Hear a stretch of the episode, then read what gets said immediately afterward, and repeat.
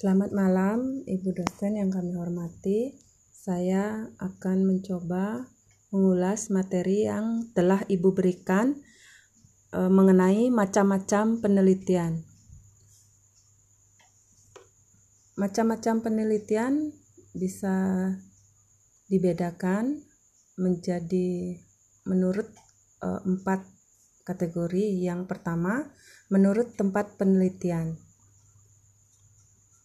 Menurut tempat penelitian uh, bisa dibedakan menjadi tiga, yaitu penelitian pustaka, yaitu suatu penelitian yang dilakukan di ruang perpustakaan untuk menghimpun dan menganalisis data yang bersumber dari perpustakaan, baik berupa buku, majalah ilmiah, kisah-kisah sejarah, dokumen-dokumen maupun materi perpustakaan lainnya yang dapat dijadikan rujukan dalam penulisan ilmiah.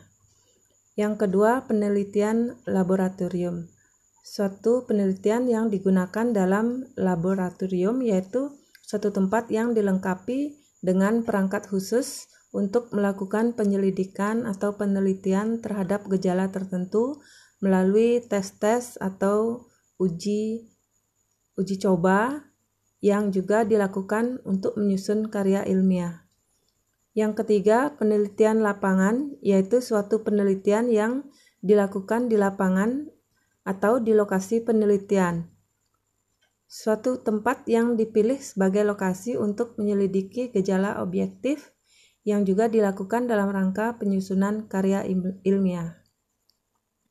Yang kedua, macam penelitian menurut sifat penelitian juga dibagi menjadi tiga, yang pertama, metode penelitian dasar ya, yang bermula dari kenyataan objektif yang diamati secara empirik kemudian ditelaah melalui analisis yang disusun sebagai laporan ilmiah. Biasanya tujuannya biasanya tujuan teori untuk pengujian hipotesis. Yang kedua, metode penelitian vertikal bermula dari teori yang sudah ada dihubungkan dengan kenyataan yang diamati secara empirik, dianalisis dan dikoreksi kebenaran teori tersebut. Hasilnya bisa mengukuhkan teori yang sudah ada, bisa juga menolaknya. Jika hasilnya ditolak, maka tumbanglah teori yang sudah ada dan lahirlah teori baru.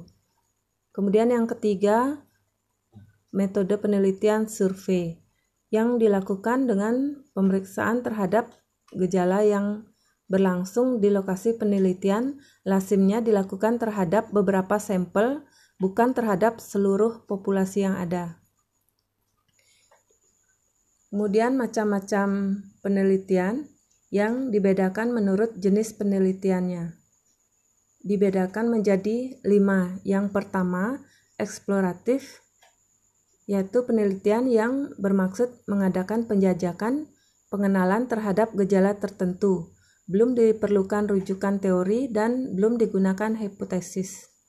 Yang kedua, deskriptif, yaitu penelitian yang bermaksud mengadakan pengukuran terhadap kebijakan tertentu. Landasan teori mulai diperlukan, tetapi tidak digunakan sebagai landasan untuk kriteria pengukuran terhadap gejala yang diamati. Yang ketiga, konformatif, yaitu menelaah dan menjelaskan pola hubungan antara dua variabel atau lebih dan dukungan teori sangat diperlukan baik digunakan untuk landasan mengajukan hipotesis atau untuk menentukan hubungan antara variabel-variabel yang ditelitinya. Yang keempat, evaluatif, yang yaitu penelitian yang bermaksud untuk melakukan evaluasi pelaksanaan. Yang kelima, prediktif, yaitu penelitian untuk meramalkan gejala kejadian yang akan datang.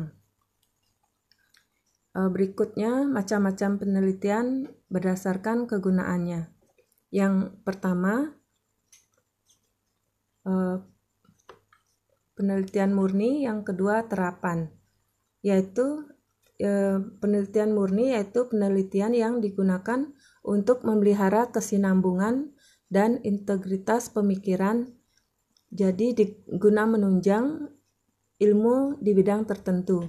Dalam pelaksanaan tidak dapat dipengaruhi oleh kepentingan tertentu ditinjau dari tata nilai sosial maupun nilai ekonomi. Jadi hasilnya tidak bisa langsung dipakai. Yang kedua, penelitian terapan yaitu penelitian yang digunakan untuk kepentingan praktis baik untuk pengembangan atau perbaikan kehidupan kita secara ekonomis.